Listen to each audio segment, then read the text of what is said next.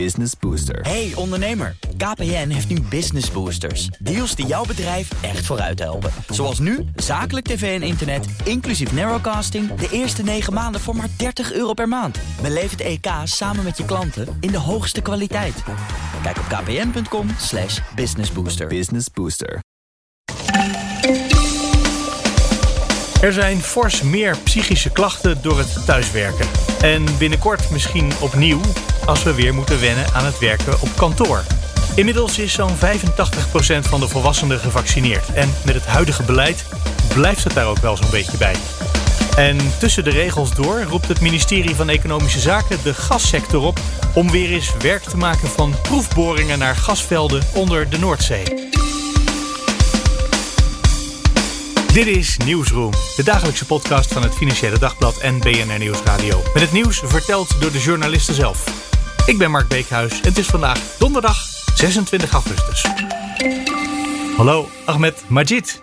Hey Mark. We gaan het hebben over psychische klachten en over thuiswerken. En het blijkt dat door het thuiswerken, of in elk geval in de tijd dat we zijn gaan thuiswerken, de psychische klachten flink zijn toegenomen. Maar meteen een percentage eraan hangen, weten we een beetje hoe erg het is? Ja, nou ja, dat weten we omdat gisteren de topman van ASR bij de bekendmaking van de halfjaarcijfers een paar percentages noemde. Mhm. Dus zij zei, als ik het goed heb, uh, dat de toename was van 7% ten opzichte van vorig jaar. En ook de duur van het verzuim, dus hoe lang mensen thuis blijven, was 15% toegenomen. En wat hij ook zei, dat was wel opvallend, dat, uh, dat 40% van alle claims die daar überhaupt binnenkomen, met psychisch gerelateerde klachten te maken hebben. Dus dat is eigenlijk altijd al voor hun een hele grote uh, kostenpost, die psychische klachten. Ja, op zich, ja, het is nu natuurlijk wel meer, omdat, uh, omdat het toename is. Ja. Ja, en die link is natuurlijk snel gelegd met de coronacrisis. En dat meer mensen psychische klachten hebben. Ja, ik, ik ben er wel verbaasd over. Want ik, heb, ik zit ook vier van de vijf dagen thuis te werken. Ik praat elke dag met alle collega's die bijna allemaal ook thuis zitten te werken. Ik had eigenlijk het idee dat de meesten er eigenlijk wel heel relaxed onder zijn. En niet per se terug willen naar kantoor. Nou, misschien af en toe is terug naar kantoor, maar zeker niet elke dag. Ja, precies. Dat zijn ook verhalen die je heel veel hoort. Aan de andere kant hoor je ook weer mensen die het weer moeilijk vinden om thuis te werken. Dus ja, je hebt altijd twee kanten van het verhaal. Ja. Maar inderdaad, ik hoor ook het meeste van die verhalen. Daarom is dit nieuws ook best wel opvallend. En uh, ja. Ja, daarom is het nieuws best wel opvallend. ja, nee, precies. Uh, is het ook zo, want wij leggen nu die link zo één op één. Is het zo dat ASR het ook zo hard zei? Zijn er misschien andere deskundigen? Want er zijn natuurlijk ook uh, Arbo-clubs en zo. Die hier misschien verstand van hebben. Ja, precies. Ik heb een rondje gemaakt langs die Arbo-dienstverleners, zoals ArboNet en Arbo-Unie. En die zeiden dat ze het heel erg, uh, ja, dat ze het vorig jaar heel erg merkten. Zeker aan het begin van de coronacrisis en tot en met het uh, einde van dit jaar eigenlijk. Misschien ook wel het begin van dit jaar. En sinds die restricties een beetje zijn losgelaten van de lockdowns, uh, merken ze dat, ja, dat het aantal ziekmeldingen, of in ieder geval het aantal verzuimmeldingen, weer een beetje aan het teruglopen is van psychisch gerelateerde klachten. Mm-hmm. maar ja, zij zeggen ook van, je weet niet wat de lange termijn effecten zijn. Kijk, het kan ook zo zijn dat mensen gewoon al hun energie en al hun, uh, ja, al hun puff nu weer instoppen om dit nog een beetje vol te houden. Mensen die tegen een burn-out of zo aanzitten. En dat dat straks, als alles weer open gaat, dat ze dan juist helemaal opgebrand zijn. Dat we ons eigenlijk naar, het eindsleep, naar de eindstreep van de coronacrisis slepen. En op het ogenblik dat we daar aankomen, dat we dan instorten. Ja, precies. Ja, dat zou zomaar kunnen. Dus daarom is het een beetje moeilijk om een voorspelling te maken. En sowieso zijn de maanden, de zomermaanden zijn altijd de maanden dat het verzuim altijd een beetje minder wordt. Uh, ook met psychische klachten. Mm-hmm. Dus uh, ja, wat dat betreft is het moeilijk een voorspelling te maken. Maar goed, het laatste half jaar is het dus fors toegenomen, zoals ASR meldde. Wat ik vroeg was, is, zien die anderen ook allemaal echt gewoon de relatie één op één met corona? Want er kan natuurlijk ook andere zaken spelen nog in de wereld. naast dat we een crisis hebben met corona. Ja, precies. Ja, ze legden wel de link met corona. Maar ik sprak ook iemand van de FNV. En die zei, uh, uh, want kijk, die topman van de ASR noemde gisteren de financiële sector als een van de sectoren waar die groei heel groot is van uh, mentale problemen. En zij zei, ja, dat hoeft niet per se alleen maar met corona te maken te hebben. Want er zijn de laatste tijden veel reorganisaties bij, ja, in die sector. Dat is al wel een tijdje aan de gang, was ook al wel voor corona aan de gang. Maar goed, dat zorgt natuurlijk ook voor veel stress bij mensen. Want ze ja. moeten, ja. De hoeveelheid werk neemt niet af, maar je collega's worden er wel minder. Ja, precies. Dus je moet eigenlijk meer doen met minder mensen. Ja. En uh, nou ja, dat zorgt mentaal ook wel voor problemen. Ja, precies. Dat, zal misschien, dat zal misschien door de coronacrisis ook nog wel wat versterkt zijn. Zeker in, nou misschien niet in de financiële sector, maar in de horeca en de evenementenbranche kan ik me voorstellen dat er heel veel stress is geweest in de afgelopen maanden. Ja, precies. En daar is het percentage dan ook het hoogst. En helemaal in de zorg natuurlijk. Uh, maar het ging, het ging bij wat hij zei, wat hij aangaf, ging het vooral om de grootste stijgers. En dat was dan de financiële sector en de overheid. Opvallend is dat als je die arbodienstverleners spreekt, dan vinden zij het wel meevallen in de financiële sector. Mm Qua wat zij binnenkrijgen. Maar goed, iedereen berekent natuurlijk op een andere manier. Iedereen ziet zijn eigen stuk van de wereld. Ja, precies. De relatie ook met het thuiswerken vooral wordt uh, gelegd. Bijna mogen we misschien allemaal weer naar kantoor. Dat betekent dat het misschien wel binnenkort weer voorbij is. Dat zou. We kunnen er ook nog een beetje hoop uitputten uit die gedachte, als het daar echt aan lag. Ja, precies. Nou ja, het is nu natuurlijk de vraag in hoeverre dat hybride werken door gaat werken.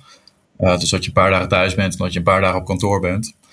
Uh, nou, ik sprak iemand van uh, Zorg van de Zaak. Dat is een netwerkorganisatie, ook van arbodienstverleners. Ja. En die vertelde dat, ja, dat daar schijnbaar ook weer mensen tegenaan lopen van... Nou ja, dan, heb je, dan ben je weer een soort van gewend om altijd thuis te zitten. En dan moet je opeens weer naar kantoor waar je afgeleid kan worden. Moeten we weer wennen aan een nieuwe situatie? Ja, precies. Ja, het valt allemaal niet bij. Andere stress. Nee, precies. Het valt allemaal niet bij. Dat is het. Daardoor ontstaan ook problemen op dit moment, verwachten zij. En ze krijgen daar nu ook al meldingen van binnen. Van mensen die weer naar kantoor moeten en die daar dan weer gestrest van raken. En ook uit hun concentratie gehaald raken daardoor. Die het eigenlijk veel fijner vonden om thuis te werken. Maar goed, je kan natuurlijk niet altijd thuis werken. Nee. Dat wordt de komende periode natuurlijk onderzocht. Wat daarvoor uh, de beste oplossing is. Om die balans uh, te vinden in naar kantoor gaan en thuiswerken. Dat gaan we met z'n allen ontdekken. Ja, precies. Ahmed Majid, dankjewel. Graag gedaan. Hallo, Niels Kruijzen van BNR. Goedemorgen, hey. We gaan het hebben over de vaccinatiegraad. Die je op twee manieren kan lezen als ik het nieuws goed begrijp. We zitten aan het plafond.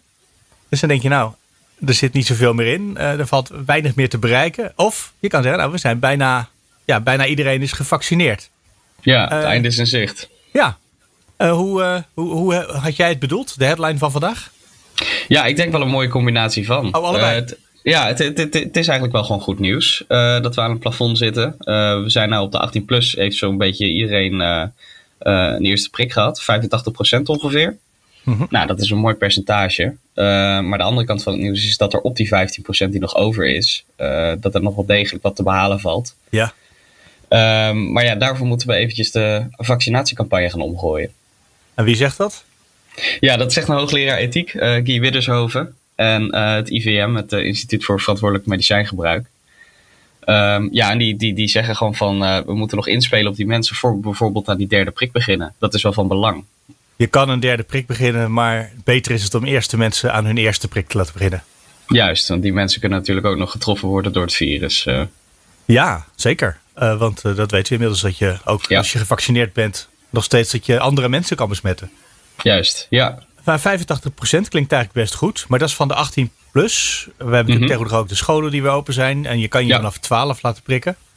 Ja. Uh, zijn, daar ook, zijn de cijfers ook al zo hoog of zitten we waarschijnlijk net ietsje lager? Net iets lager, ja. Ik geloof zo ongeveer zo'n 82 procent. Oh, maar dat lijkt uh, ook wel heel erg op elkaar. Ja, dat klinkt ook wel lekker. maar ja, die mensen worden natuurlijk minder ziek van het virus. Ja. dus ik denk dat de focus vooral moet liggen op die, op die 18 plus. Dat daar nog het meest te behalen valt. En we weten dat in migratiewijken, dat daar uh, bijvoorbeeld, of in, uh, bij laagopgeleiden, dat daar het vaccinatiegraad wat lager is. Dus ik zou zeggen van ja, ga daar eens kijken, wat kunnen we nog halen? Want ja, ja die 96% die we misschien nodig hebben om, om die Delta variant te bestrijden, dan moeten we nog wel een stukje. Ja, die 96%, we hadden het net als voorgesprekje heel ja. eventjes daarover. Die komt uit iets wat ik me herinner. Ik, dat getal ga ik niet heel hard zeggen in de podcast, of ja, hij zit er nu in. Maar ik meen dat ik iemand heb horen uitrekenen, horen voorrekenen dat je met een R-getal, wat wij nu met de Delta-variant hebben, dat je 96% vaccinatie nodig hebt. En dan zijn we er nog lang niet natuurlijk met 85%. Dan moet gewoon twee derde van de mensen die nog niet gevaccineerd is, alsnog gevaccineerd raken. Ja, precies. Ja, in principe, het getal maakt niet uit. Het moet gewoon hoger. Dat zeggen die experts vooral. Ja. Uh, het is gewoon van belang dat we zo'n hoog mogelijk percentage halen. En we hebben al echt een hoge vaccinatiegraad. Dat is al wel fijn. Um, maar als we er gewoon, gewoon mensen bij kunnen krijgen die, uh, die toch het vaccin willen, zeggen de experts, dan is dat alleen maar heel erg mooi meegenomen. En dus wat jij net al beschreef, het zijn uh, bepaalde groepen die zich niet laten vaccineren tot nu toe. Ja. Dus dat moet het misschien ook wel makkelijk maken om die groepen dan te bereiken. Ik bedoel, als je weet dat het in bepaalde wijken zijn, of bepaalde inkomensklassen, die hebben natuurlijk ook weer, als het lage inkomens zijn, lage huren. Dus die wonen ook gemiddeld gesproken bij elkaar, denk ik dan. Ja. Die zou je op die manier moeten kunnen benaderen. Ja, precies. Ja, dat zei uh, meneer Widdershoven, uh, die hoogleraar medische ethiek, die zei dat ook. Uh, van ja, als je ze wil benaderen, dan moet je daar wel goed over na gaan denken. Want tot nu toe is het dus blijkbaar een minder groot succes. Ehm, dus er zal goed ook wetenschappelijk naar moeten worden gekeken. Hoe benader je die mensen? hoe, hoe, hoe, kom je zover bij ze? dat ze wel de informatie willen aannemen en, en ook het vaccin. En dat is nog wel een, echt een vraagstuk waar, waar we ons de komende tijd nog even over moeten buigen. Want op het ogenblik als je zegt dat ze informatie willen aannemen, zijn het de antivaxers die we hier hebben? Of is het gewoon een gebrek aan kennis? Of uh, gaat ja, dat misschien samen? Ja, inderdaad. Het, het, het, het, zit een beetje volgens hem in, uh, in die beide hoeken. Het hele ding is um, dat we nu gewoon op een groep mensen stuiten die gewoon eigenlijk niet te bereiken zijn. Of het echt niet willen. Uh, en daar moeten we eigenlijk de twijfelaars gaan filteren. Ja, de mensen die het echt niet willen, die ga je natuurlijk uh, niet overtuigen. Maar er zijn vast heel veel mensen die misschien nog niet weten. Ja, precies. Als je een andere ethische aanpak pakt, uh, dan is de kans groter dat je die mensen toch over de brug haalt dan, dan dat je nu op deze manier verder gaat. Ja. Dat is een beetje de boodschap van hem. Had hij een idee, die Wittershoven, uh, hoe je dat aanpakt? Anders dan dat je het moet gaan bestuderen en erover na moet denken. Ja, ja ik, gewoon dieper in gesprek met die mensen. kijken hoe je ze kan bereiken. Bereik je bijvoorbeeld de ouderen door met de jongeren te spreken? bereik, die, bereik je de jongeren om met de ouderen te spreken? Uh, je moet gewoon een ingangspunt gaan vinden. En dat kun je het beste doen door gewoon zo goed mogelijk met die mensen uh, een interactie te ondergaan, denk ik. Praten met ze en dan kijken wat er aanslaat. Ja, precies. Ja. want we hebben natuurlijk uh, minister De Jonge horen zeggen... we gaan gewoon een prikbus op het schoolplein zetten desnoods. Waar ja. die scholen bleek van de week al niet zo enthousiast over waren. Want die vinden dat iets wij zijn niet een rol in hebben. Ja, ik denk dat dat een heel mooi voorbeeld is, ja. En dat, dat ontstaat dus door niet te spreken met de mensen waar het over gaat, denk ik dan. Ja, ik denk dat dat een heel mooi voorbeeld is voor uh, ineffectief. Uh, ja, dat het gewoon ineffectief is ja. uh, op die manier. dat scholen gewoon direct dan zeggen van ja, nee, dit, dit, dit niet is, van ons. Dit, nee, precies. Dit is bijna, bijna dwang. Dit, dit kan je niet maken. Ehm, en ik denk dat heel veel andere mensen die nog niet gevaccineerd zijn, die dat ook zo kunnen ervaren. Dus en inderdaad gewoon een andere aanpak, misschien wat rustiger. Ehm, laten we dat eens proberen. Ik denk dat dat wel uh, een goede oplossing zou zijn. Ja, in de categorie rust. Ik heb dat wel eens eerder gezegd in de podcast hier. 10 minuten van mijn huis lopen staat er op een pleintje. Zo'n week lang nu en eerder ook al een keertje. Een bus waar je kan prikken. Kan je nu naar binnen lopen. Ja. Die staat daar een tijdje achter elkaar. Dus het is niet zo dat je vandaag naar binnen moet. Maar uh, je hebt de kans om morgen misschien even langs te komen. Er staat ook bij hoe lang die er nog staat. Ja. Het is niet overdreven druk, maar er zijn wel altijd mensen. Oh, kijk. Dus misschien dat dat zo'n trage, rustige, kalme aanpak, dat is het woord wat ik zoek, dat dat wel het beste werkt. Ja, dat, dat klinkt wel goed dan. Dankjewel, Niels. Ja, dankjewel. Hallo, Karel Grol van het Financieel Dagblad. Goedemorgen, Mark. Verontrustende kop boven het artikel wat je gemaakt hebt. Nederland blijft achter met gasboringen op de Noordzee. Uh, dit, uh, eigenlijk dacht ik uh, met Urgenda vonnissen en het klimaatpanel wat net weer zijn onderzoek gedaan heeft, gepresenteerd heeft, dat we van het gas af moesten. Maar kennelijk nog niet. Nee, nee, nog lang niet, denk ik. Want we hebben gas gewoon nog heel hard nodig. we, zijn, we importeren gas en dat doen we uit Rusland. En dat kost, vrij, het kost en veel geld en veel CO2-uitstoot om het helemaal hierheen te halen. Mhm. Ehm, en natuurlijk moeten we uiteindelijk van het gas af. Uh, maar dat gaat niet van vandaag of morgen en ook niet van uh, dit jaar of volgend jaar. Dus dat, we hebben nog een tijd lang zitten eraan vast. We zijn aan het elektrificeren, maar er zijn nu nog 7 miljoen huishoudens die uh, volgens mij die gas gebruiken. Nou ja, die, dat duurt nog wel even voordat die allemaal een kookplaat hebben en een elektrische elektrische verwarming. Dus we hebben, en dan heb ik nog niet eens over de industrie, et cetera. Dus we hebben voorlopig nog heel veel gas nodig. We, willen er dus vanaf. Dat is inderdaad zo. Dus minder verbruik zou mooi zijn. Maar voorlopig hebben we het nog wel, uh, wel nodig. En als we dat dan toch doen, kunnen we beter ons eigen gas gebruiken. En aangezien dat niet meer in Groningen kan, is de Noordzee de beste plek. En dat is dus de waarschuwing van het ministerie van EZK, Economische Zaken.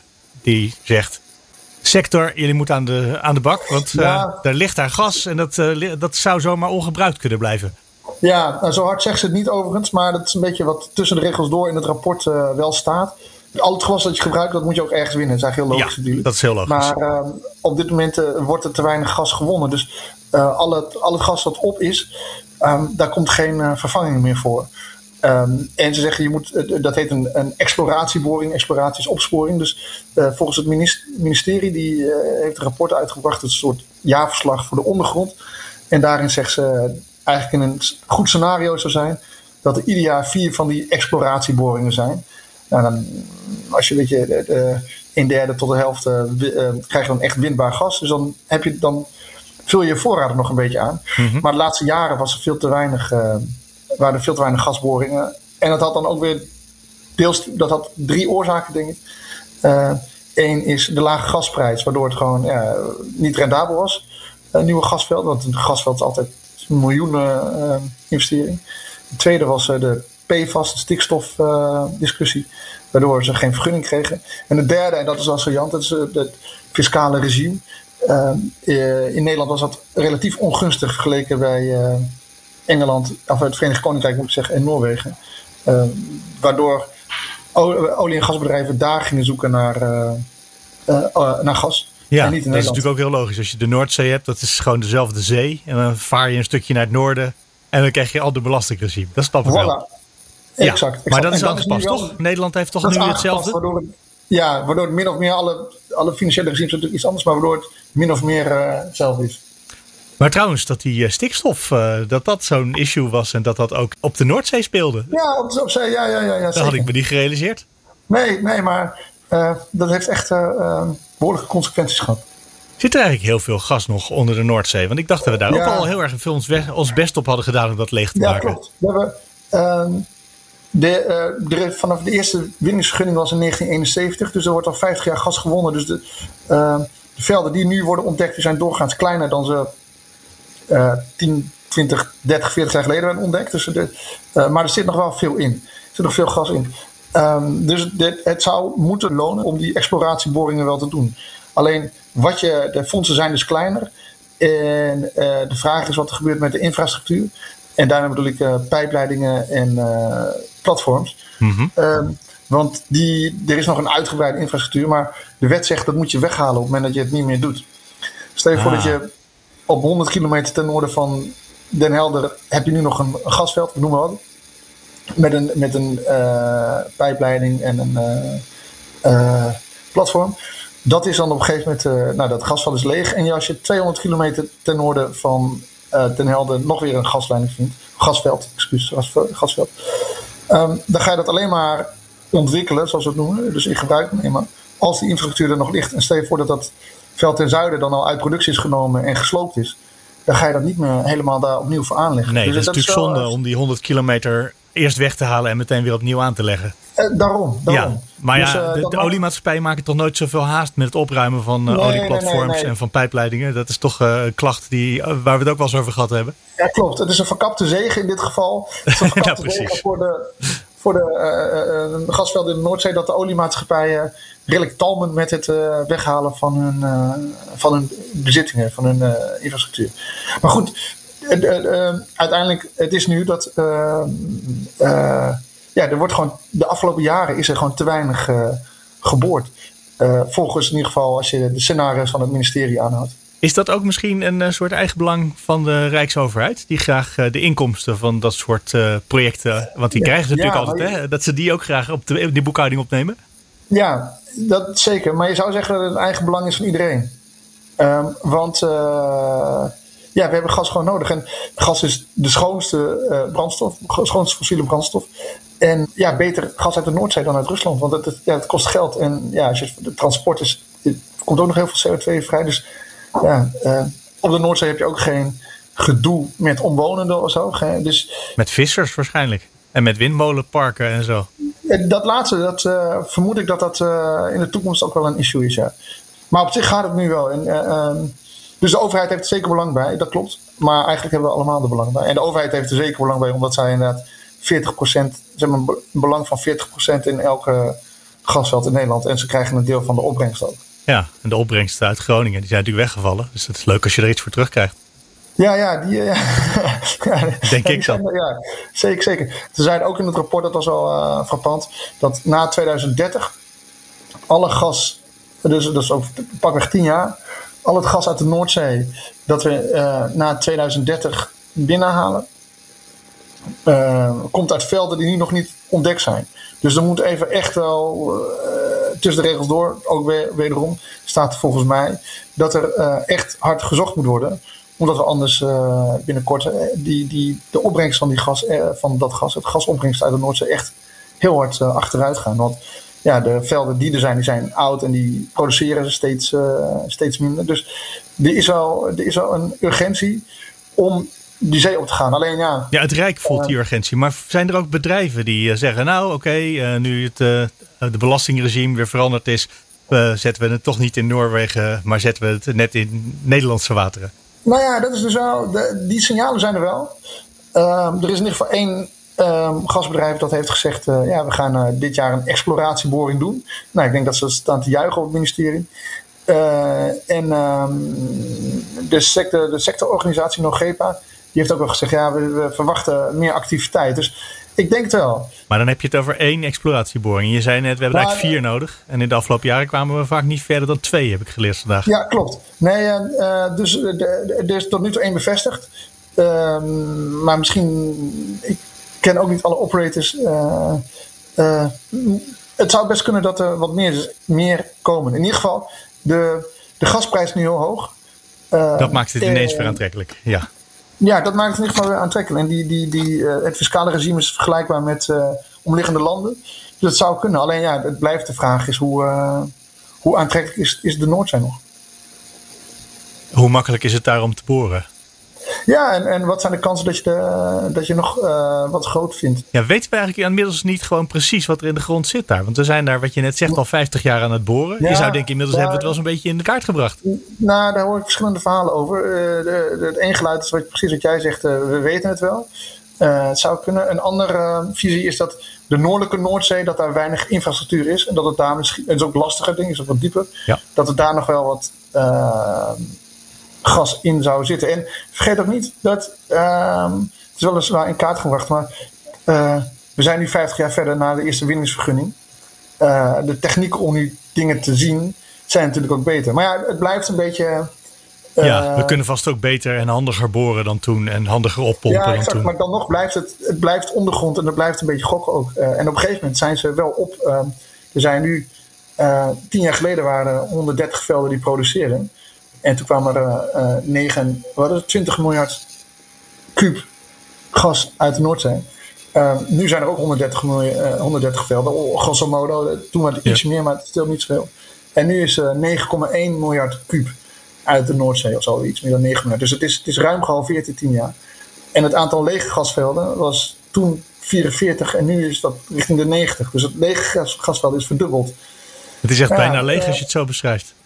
Nou ja, het, is, het, het, moet toch wel, je moet wel een beetje, uh, hoe zeg je dat, uh, conf, uh, vertrouwen hebben en ja, misschien een beetje bijna bij stoer zijn om nu in zo'n leeg, in zo'n afnemende business nog heel hard te gaan investeren. Ik denk dat dat ook wel meespeelt. Ja, aan de andere kant beschrijf je net zelf dat het nog wel zeker 10, misschien wel 20 jaar lang heel belangrijk blijft gas. Nou, als je, gas vindt, heb je een eindmarkt. Dat is uh, zonder enige twijfel. Als je, als je een windbaar reservoir vindt, en uh, uh, ja, de, de, de, het moet kostendekkend kunnen zijn voor die partijen. Ja. Maar doe man dat je het vindt, dan heb je zeker afname. Dat is het probleem. Kouwgol, dankjewel. Merci. En dat was hem voor vandaag. Je weet, je kan altijd reageren. Mail naar nieuwsroom.bnr.nl of nieuwsroom.fd.nl. Of gistermiddag ging het anders. Toen belde Wesley, die in de podcast zat, om te zeggen dat hij de titel van de podcast eigenlijk net niet helemaal vond kloppen. En daar had hij gelijk in. Dus die hebben we vrij snel aangepast. En wat er stond was dat het aantal bouwvergunningen aanvragen in Amsterdam van marktpartijen, dus niet woningcorporaties, dat die met twee derde was afgenomen, namelijk tot een derde. Maar dat klopte niet. Dat getal van een derde, dat klopte wel, alleen in een andere betekenis. En hier merk je meteen al dat het inderdaad ingewikkeld was, waardoor deze vergissing kon ontstaan. Dat cijfer van een derde gaat over de verhouding tussen het aantal bouwvergunning aanvragen van woningcorporaties en commerciële investeerders, marktpartijen. En die verhouding lag altijd rond de 50%, 50%. En nu, in de laatste tijd, was dat dus 30% geworden. Met dus 70% voor de woningcorporaties. En vastgoedadviseur Sevel gebruikt dat percentage, verhouding tussen marktpartijen en woningcorporaties, als een aanwijzing dat die marktpartijen zich aan het terugtrekken zijn. Eigenlijk is dit natuurlijk een veel te technisch en ook onbelangrijk detail om uitgelegd te krijgen in deze podcast. Maar hier kwam dus die verkeerde titel vandaan, die we later hebben vervangen door minder bouwvergunning aanvragen van marktpartijen in Amsterdam. En dat was hem. Graag tot morgen.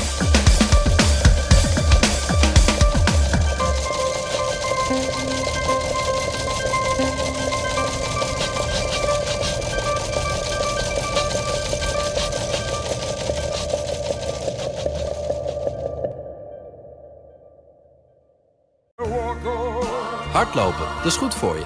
En Nationale Nederlanden helpt je daar graag bij. Bijvoorbeeld met onze digitale NN Running Coach... die antwoord geeft op al je hardloopvragen. Dus, kom ook in beweging. Onze support heb je. Kijk op nn.nl slash hardlopen.